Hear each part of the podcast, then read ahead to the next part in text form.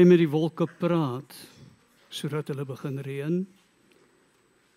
Kan jy weerligstrale maak en dit laat tref soos jy wil? Wie gee intuïsie en instink aan die mens? Wie slim genoeg om die wolke te tel? Wie kan die waterkanne van die hemel omkeer wanneer die grond droog is en die kluite kliphard? Here, ons God alleen kan dit doen. Groot God, waardig om al die lof en die eer ontvang te word. Baie dankie vir die voorreg. Ons verdien nie om hier te staan nie. Dis genade. Dis u guns wat op ons rus. En ons buig in dankbaarheid voor u. En wanneer u nou met ons gaan praat, wanneer ons u woord oopmaak, Here, maak asseblief u woord in ons oop, in ons harte. Dis hoor wat u vir ons wil sê. Amen. Baie dankie, kan u sitplek neem as u nog nie het nie. Verlossing is naby. Nou gehoor as die Here wil is Rinus volgende week terug. En net so min as wat ek na hierdie ou luister, neem ek nie kwaliek as u ook bly is dat hy terug is nie. Ek praat vanoggend oor 'n boek wat vir my Bybelse boek sonder 'n waarde het. Toe ek eerste jaar op universiteit was, 18 jaar oud, het ek agterop 'n plaasbakkie gesit, bakkie op die plaas wat gerol het en ek het aan die ander kant redelik skeef uitgekom, soos wat u kan sien. Ook breinskade, so ek is nie heeltemal toevatlik vir al die goed wat ek kwytraak nie. Maar die boek Job het vir my besondere waarde gekry.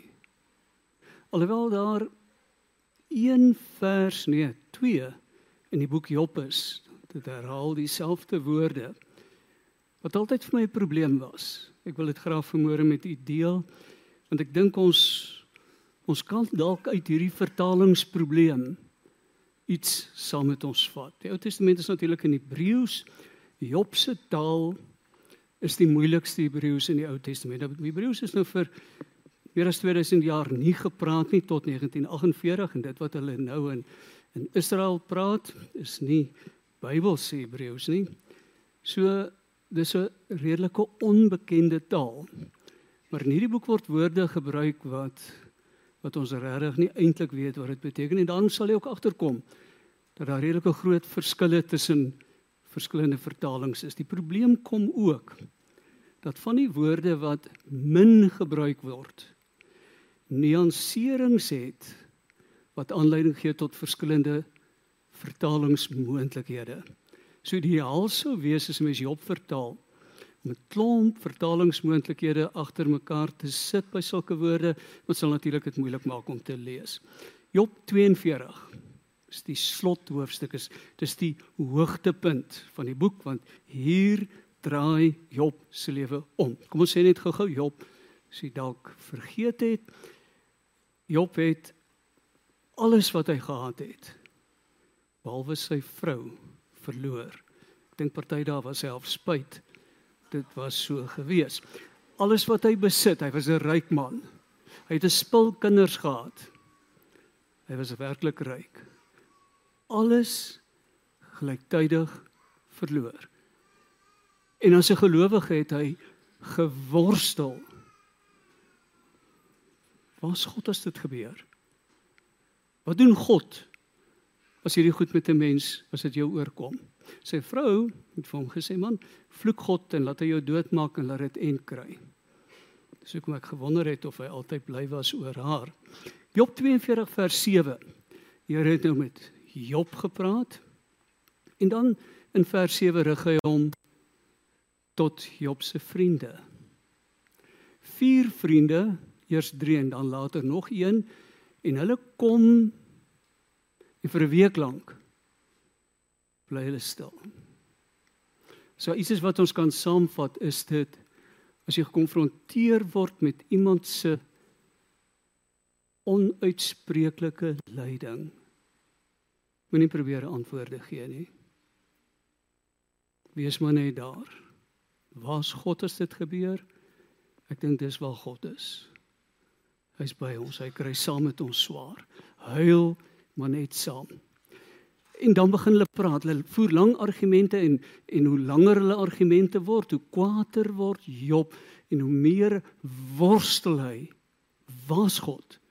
Hoekom antwoord hy nie? Hoe kan hy 'n vader wees? Hoe kan hy 'n beheer wees as dit op aarde so gaan? Nadat hy met Job gepraat het, het die Here vir Elifas die tema nuut gesê as oor die oudste en daarom is hy nou verantwoordelik vir die hele spul van hulle. Ek is kwaad vir jou en jou twee vriende. Want julle het nie die waarheid oor my gepraat soos my dienaar Job nie. Dis waarmee ek 'n probleem het. Vers 8: Vat sewe bulle en sewe ramme en gaan na my dienaar Job toe en offer dit as 'n brandoffer vir julle self. My dienaar Job sal vir julle bid en ek sal sy gebed verhoor en julle nie straf vir julle dwaasheid en dan kom die woorde weer daarvoor en ongelukkig hier uitgeval danksy my.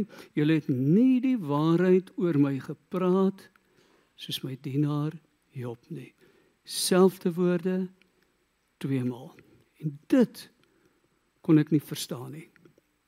Uit die boek het dit gelyk asof hierdie drie vriende nou nogal 'n redelike goeie teologie het. Job het geen teologie oor gehad nie. Lyding, smarte is sy teologie in die grond ingedruk.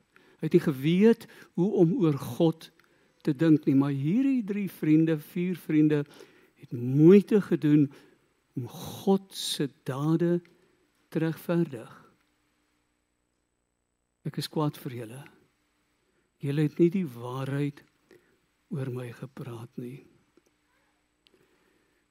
Dink byvoorbeeld aan wat Elifas sê, hy gaan vinnig van hulle argumente aanhaal. Een van die vriende, die, die oudste een sê, dit gaan goed met die mens wat deur God tereggewys word. Jy moet die bestraffing van die Almagtige nie verontagsaam nie. Dink vir my heeltemal reg. Dis hy wat wonde toedien, maar hy verbind hulle weer wat seer slaan, maar hy maak weer met sy eie hand gesond al tref 'n ramp jou 6 of 7 keer. Hy sal jou red. Selfs 'n hoeveelste keer sal dit jou geen kwaad aandoen nie. Hy sê baie wat waar klink. So ver een van die ander vriende hoofstuk 11 vers 7 kan jy begryp wie God werklik is? Kan jy die almagtige ten volle verstaan Vers 13: Maar as jy jou verstand reg wil gebruik en jou hande in gebed na God toe uitsteek, as jy jou sonde van jou af sou verwyder en nie toelaat dat onreg in jou woon nie, kan jy jou kop sonder skaamte oplig en in die nood kom sonder om bang te wees. Kan jy jou swaar kry vergeet en daaraan dink asof dit water is wat weggeloop het. Job klink anders. Hy worstel met wat hom met hom gebeur. En hy vertel wat hy beleef en hy bring dit na God toe en dan dan verwyd hy God u is daarvoor verantwoordelik. Hy's stikkend. Hy's kwaad, hy's gefrustreerd, hy's depressief. Hy's desperaat, hy's hy's op die punt om om te op te gee. En hy stoei, hy worstel met God. En sy woorde klink met tye asof hy dit in frustrasie skree, asof hy woedend skel. Hy wat klei is 'n vloed wat nie wil opdroog nie. Hoofstuk 7 vers 20 kom ek noem 'n voorbeeld. Sê Job: "My as ek gesondig het, wat kan ek teen u uitrig?" U wat die mens gedurig oppas. Sê my, waarom het u my 'n teken gemaak? Waarom moet ek vir jou las wees? Waarom vergewe jy dan nie my sonde? Jy vergeet wat ek verkeerd gedoen het nie. Binnekort sal ek in die graf lê. Jy sal my soek. Ek sal nie meer lewe nie. Tog het Job God simpatie met Job en nie met sy vriende nie. Hoofstuk 10 vers 1. My hele lewe walg my. Daarom wil ek aan my klag vrye teels gee en in my bitterheid praat. Ek wil vir God sê, moet my tog nie skuldig verklaar nie. Maak aan my bekend waarom voer u hierdie stryd teen my? Vind u dit goed dat ek om my te laat swaar kry om wat u gemaak het met veragting te behandel? Maar die planne van die goddeloses met sukses te bekroon?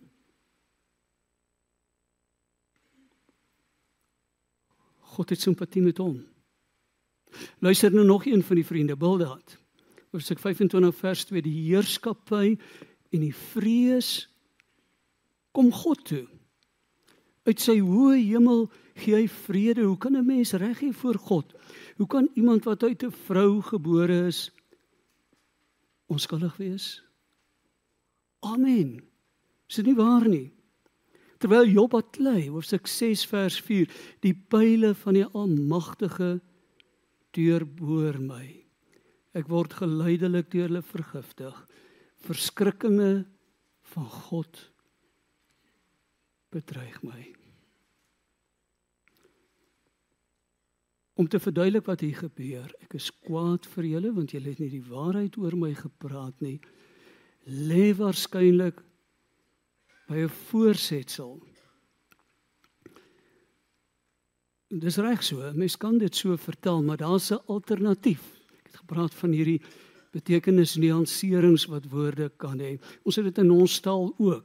En partykeer veroorsaak dit misverstande tussen mense mens sou die voorsetsel oor ook kon vervang met met.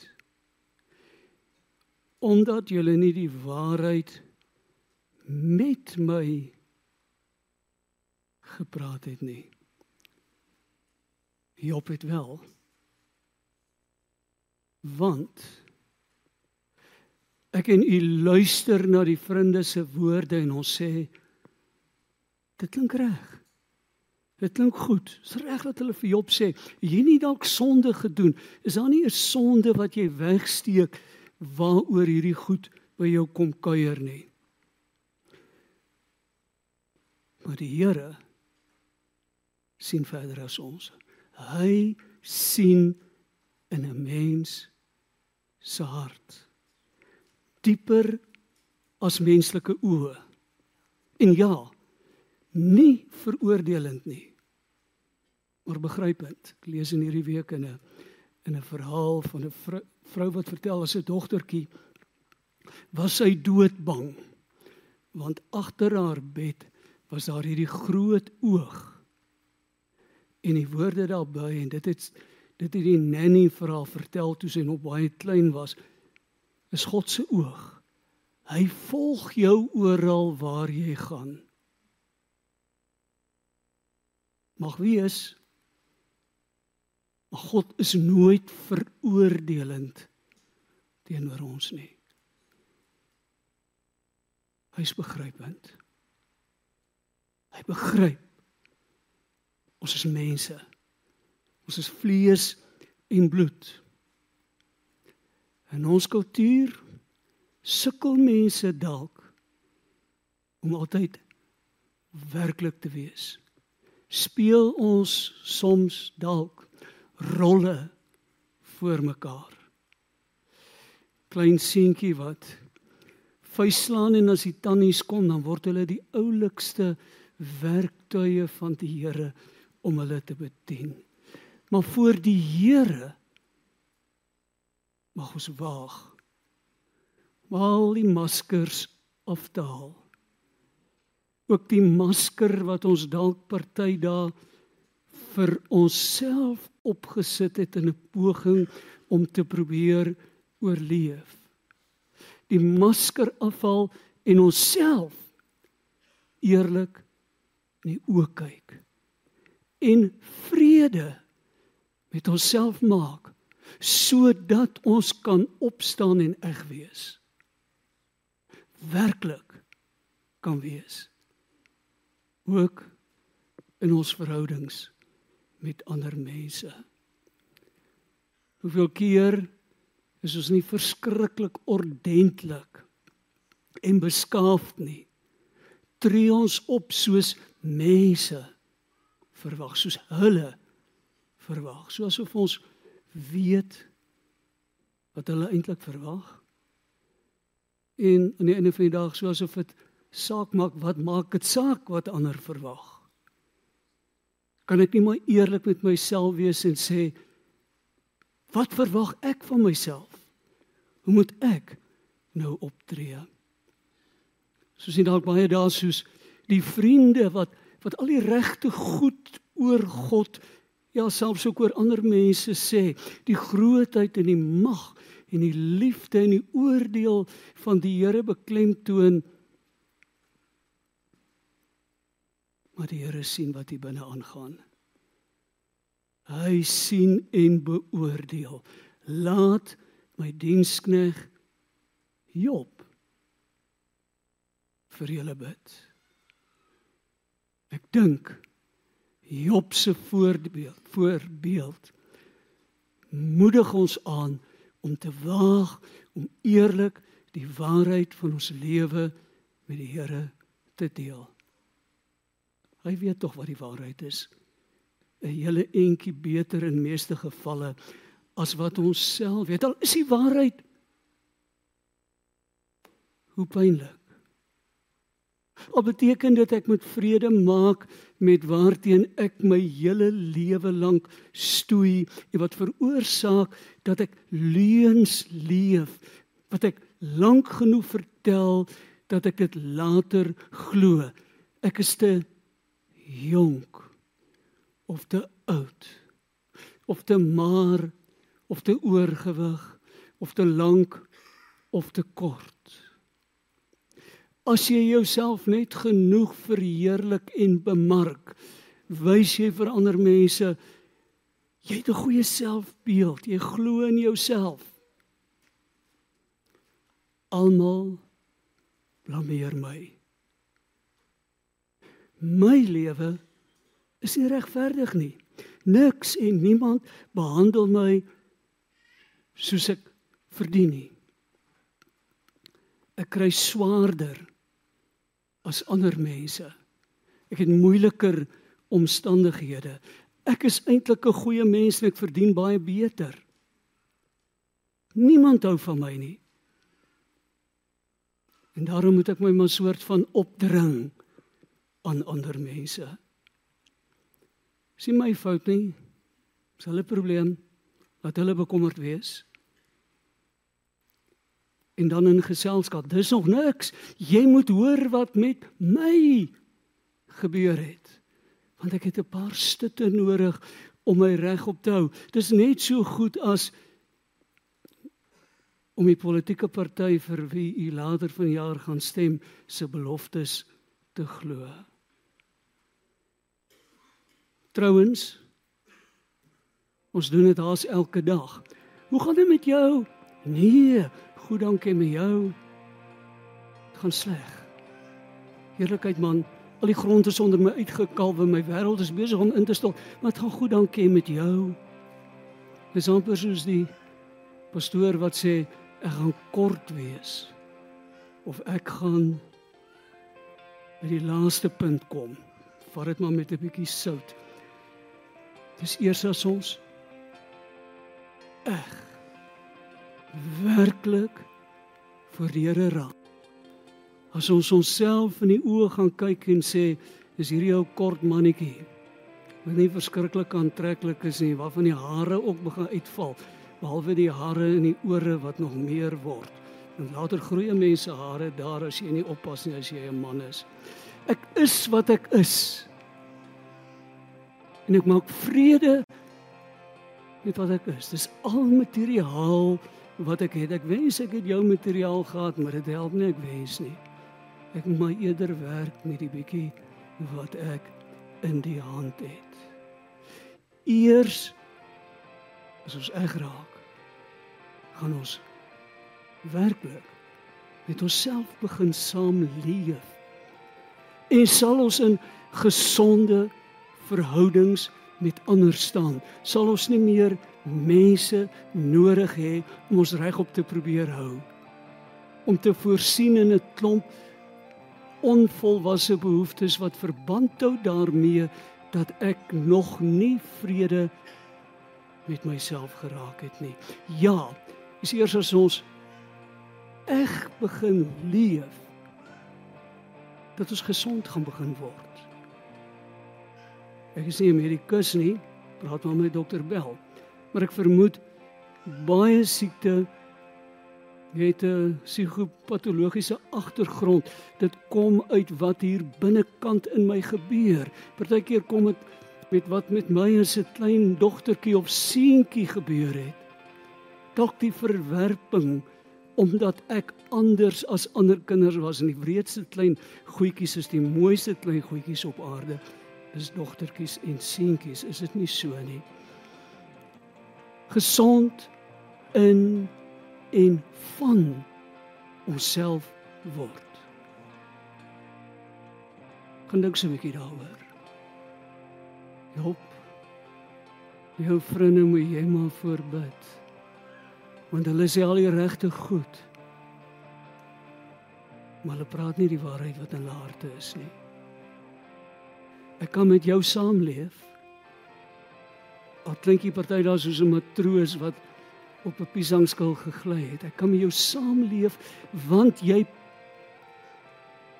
praat die waarheid. Jy praat die waarheid. Kan ons dit dalk met ons saamneem? Die Here weet in elk geval wie ons is. Ons mag word en wees wat ons is. Ons kry toestemming by hom. Jy mag die maskers afhaal. Jy mag vrede maak met jouself. Ja, jy mag in gesonde verhoudings met ander mense leef. Kan ons 'n oomblik stil word?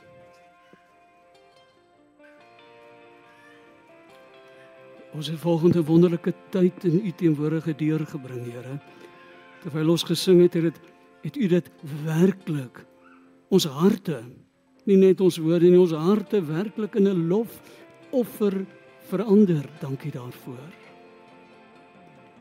Baie dankie dat u ook met ons wil praat.